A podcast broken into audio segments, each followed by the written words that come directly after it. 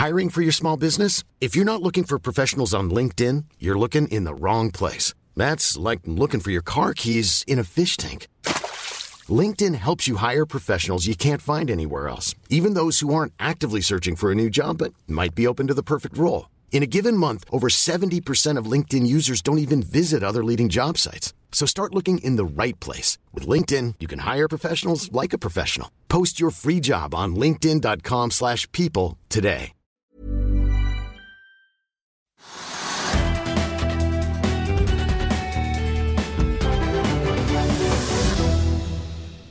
Velkommen til Økonominyhetene. Er her hjemme med Oslo Børs. Akkurat nå er vi ned, Trygve. Det er eh, markant falt også på Wall Street. Ja, vi er ned tre kvart prosent. Og eh, Oslo Børs var jo ned en og en kvart prosent i går. Så det er ganske mye i løpet av to dager. Og de amerikanske børsene var ned i går. Og som du sier nå, så åpner også de amerikanske, som åpner samtidig med oss, veldig kraftig ned. Så det er ikke bra i det hele tatt. Eh, hvorfor akkurat de amerikanske børsene oppnår det samtidig med oss, det er jeg ikke helt sikker på. Men sannsynligvis henger det sammen med disse, disse handelsavtalene som man har snakket så mye om. Avtalene mellom USA og Kina. Og hvis da de faller på plass, så vil da børsene oppfatte det, eller investorene som er i markedet, de vil oppfatte det positivt. At det blir ro, og at kanskje veksten i verden blir litt større hvis det ikke faller på plass. Og så har da Donald Trump, hvis jeg har fått med meg riktig i dag, kan korrigere meg, så har han da sagt det at eh, nå at disse handelsavtalene med Kina er ikke så viktige likevel. Og det kan godt tenkes at de ikke blir signert før etter valget, og det er jo i november neste år. Eh, altså et, over et år til. Eh, så hvis vi skal drive med disse handelsavtalene frem og tilbake og vente et helt år, så er det ganske skummelt. Det vil påvirke markedet negativt. Og jeg vil tippe det vil man se hvis man går inn på det utenlandske markedet og ser på det, enten på Bloomberg eller CNBC, så vil man se det at de sannsynligvis kommenterer med at Trump tuller det til igjen med dette maset sitt om, om, handelsavtaler. Og også de der avtalen han kom med for noen dager siden. Han skulle da ilegge en veldig kraftig toll på da aluminium og stål fra Argentina og Brasil til Amerika. For å presse dem. Og så var det da plutselig snakk om at noen produkter fra Frankrike, det kom i går, sent i går, skulle få en ekstratoll på 100 Eh, fordi at da han hadde konflikter med Frankrike og ville presse Frankrike litt. Og så sa han ok, disse luksusvarene her som kommer, champagne og litt annet, de skal få en ekstra topp på 100 så Han, han Men, roter det til med handelsgreiene. Er det litt risky business hvis Donald Trump driver og legger seg ut med alle og enhver? Nei, altså det er umulig å si. Jeg er ikke så god på utenrikspolitikk som det, men jeg vet at han roter det til. For han er veldig dårlig på, på internasjonal handel. Og utenrikspolitikken er også dårlig på. og Dette er tull da, da plutselig skal ilegge for å presse motparten en ekstratoll på 100% det er grovt. Altså det, det, er sikkert varer man kunne tenke seg det på, men som generelt sett og liksom omfatter av varer for 20-30 milliarder kroner, så er det ikke bra. Så det er den amerikanske biten av det. Men så er det den norske biten. Hvorfor faller da Oslo Børs så kraftig, eller falt i går ganske kraftig, og også følger opp i dag? Det tror jeg skyldes faktisk oljeprisen. Men det er ikke så store utslag på oljeprisen likevel? Jo, jo da, nei, men nå skal du høre. Nå skal dere at eh, Equinor og Aker BP er begge to ned mer enn 3% Det er veldig mye, for det er de to, de to største selskapene på Oslo Børs. Og så kan man spørre hvorfor faller de to oljeselskapene så sterkt. Og det er, tror jeg, fordi at, og jeg har sagt det ganske lenge, senest i går i studio, uke etter uke, at jeg tror det at det er i ferd med å danne seg en sånn tilbudsovervekt overheng, eller hva du vil kalle det, innen oljesektoren, slik at det er for mye olje i markedet. Det blir enda mer i markedet i forhold til etterspørselen, som stiger kanskje jevnt og sikkert, men ikke så veldig mye.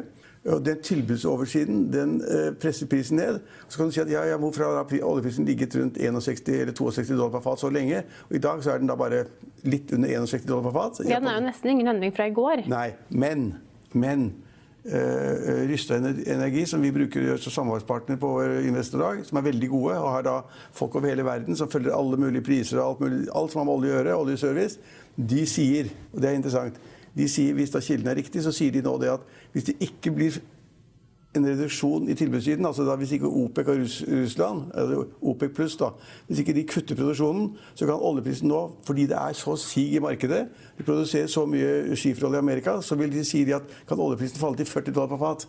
Ja. Ja. Og, ja. og da er det jo litt interessant at det er vel OPEC-møte i slutten av denne uken? Ja. Det er det. Og, og, og, om det da blir noe vedtak der, vet jeg ikke. Men poenget er at de sier at det er så mye olje, og det er det jeg har sagt i lang tid også. Det er ikke for å være etterpåklok, men jeg har sagt det veldig lenge. At den oljeprisen er skummel fordi det er såpass mye olje som produseres. Og Amerika hadde da, USA hadde da forleden første gang eh, på lenge så hadde de da faktisk et eksportoverskudd på olje, og det er helt nytt. Og De produserer som hakka møkk, og det er for mye olje i markedet. Og da sier eh, eh Rystad Energy at man må kutte mer. Og Det er ikke snakk om å liksom kutte 200 000 fat eller 300 000 eller 400 000 fat. Man må kutte liksom 1 eller 2 millioner fat per dag. Da monner det hvis de ikke gjør det. Hvis altså ikke OPEC klarer det, hvis ikke Russland blir med på det, og andre non-OPEC-land, hvis ikke de blir med, så vil da oljeprisen falle til 40 dollar på fat. Og det er nok til å skremme vettet av folk på, på flatmark. Ja, og på flatmark er det altså da nedgang i dag, og vi ser at Oslo Børs som du sier, faller. Men eh, akkurat nå ned 0,62 Men, ja, men er, det, er det noen grått. utslag vi må nevne ellers på aksjesiden? Det er jo noen Uventede jo, jo, ja, det, ja, uventede uventede vet jeg ikke. Men for først, altså, dette er hovedinntrykket at de to store tunge selskapene faller. Ja. Is a reason for it.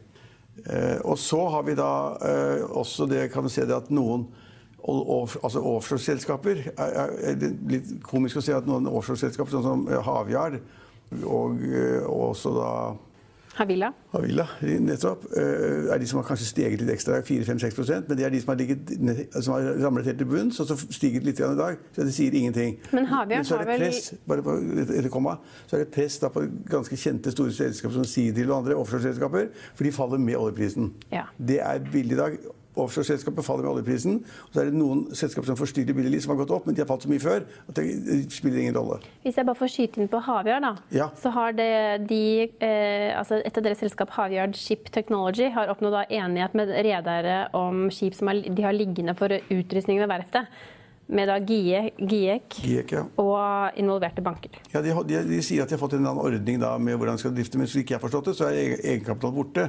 Så det, det, er kjempevanskelig å komme ut av det og få nye ordre eller produsere ferdig de skipene eller hva de har verksted, eh, altså reparasjonsoppdrag eller bygging eller hva det måtte være. Det er kjempevanskelig. Så Havia ligger kjempedårlig an, og de skiftet jo da, da eh, toppleder i går. Men om du skifter toppleder én dag, så blir jo ikke verft bedre verft. Det er en langsiktig prosess. Det tar liksom ett eller to år å bygge et skip. Det tar flere måneder å reparere osv. Så, videre, så det er lang, lang, langsiktig.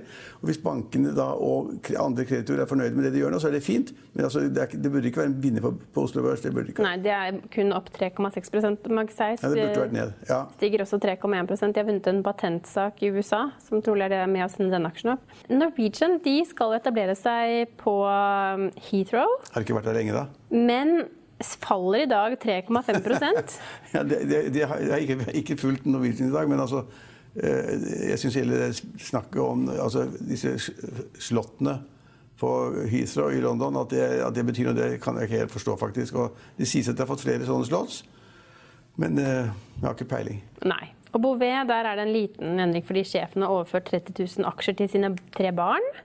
Og så kan vi ta med oss at Entra, der eh, ja. hadde jo staten i går eh, annonserte de at de skulle selge 25,6 millioner aksjer. Ja, og det interessante er at Entra har vært en av taperne i dag, da, sammen med eh, Equinor og Aker BP. Eh, mesteparten av dagen så har Entra vært ned rundt 2 så Den har tatt seg litt inn, inn, igjen på slutten av dagen. Men Entra, det er naturlig at det faller. Når da staten solgte, som du sier, de solgte da eh, aksjer for 3,4 milliarder kroner. Eh, og to, solgte seg ned til jeg tror de nå har, har igjen 8 av Entra, som de har kontrollert helt. Og det er helt riktig som næringsministeren har sagt, at hvorfor i all verden skal vi eie Entra? Det er jo da et selskap som bare eier kontorbygg. Fine, flotte kontorbygg, men det kan hvem som helst drive hvis de driver innen fast eiendom og næring. Så det er bare tull at staten driver med det. Og så tar han konsekvensen av hva han sier, ikke bare liksom sånn ideologi. Han sier han tar, gjør noe med det. Og så har de solgt masse aksjer i Entra for 3,4 milliarder kroner. Det synes jeg var veldig bra, bra salg. Ja. Det er spørsmål hvem som kjøper, om de som nye kjøperne, hvilke andre som er store nok til å ha kontroll i selskapet. Men det er et stort, fint selskap. Men staten burde selge, og det har de gjort. Og da, enten fordi at eh, Entra måtte gå litt ned i pris for å ja, For å få plassert, for, for å få plassert de, ja. de aksjene, så det kan ha betydd noe for prisen, men det er, også, det er også litt negativt for mange i markedet tenker jeg, at staten selger såpass mye. For at Staten har sagt at de skal være fornuftige, gode investorer, gode på børsen. Og de bare skal selge hvis de får gode priser. og Det kan da tolkes litt inn at når de har solgt, så er det litt skummelt. Ja, og så kan vi ta med oss at Drekk faller 7-8 og det har jo sikkert noe med innledningen din. Donald Trump, eh, ingen snarlig ja. avklaring på noe handelskrig. Det betyr, er jo kanskje ikke så godt nytt for REC. er jo da all time love igjen. Ja. Det er utradert nesten. Og de har noen hundre millioner kroner igjen i market cap på børsen fortsatt. Men altså Jens Ulltvedt Moe har jo tapt en formue på det selskapet og bomma helt på det. Kan, og, men Ulltvedt Moe kunne jo ikke vite at det skulle bli ekstra problemer med, med disse handelsforhandlingene og eksport og ekstra avgifter og toll osv. Men, men uh, selskapet lå dårlig an selv før det. Ja. Det tror jeg var øh, det vi kan si var hovedtrekkene i dag. I Finansvisen i morgen kan du bl.a. lese Trygve Hegnars leder om utredningen av grunnrenteskatt for øh, oppdrettsnæringen. Det var alt vi hadde for i dag. Vi er tilbake i morgen klokken 15.30. Da har vi med oss Eigil Arf Tarjem fra Defero i studio. Følg med oss igjen da.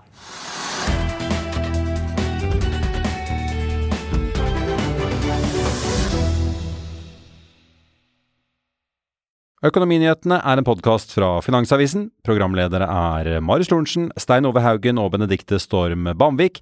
Produsenter er Lars Brenden Skram og Bashar Johar. Og ansvarlig redaktør er Trygve Hegnar.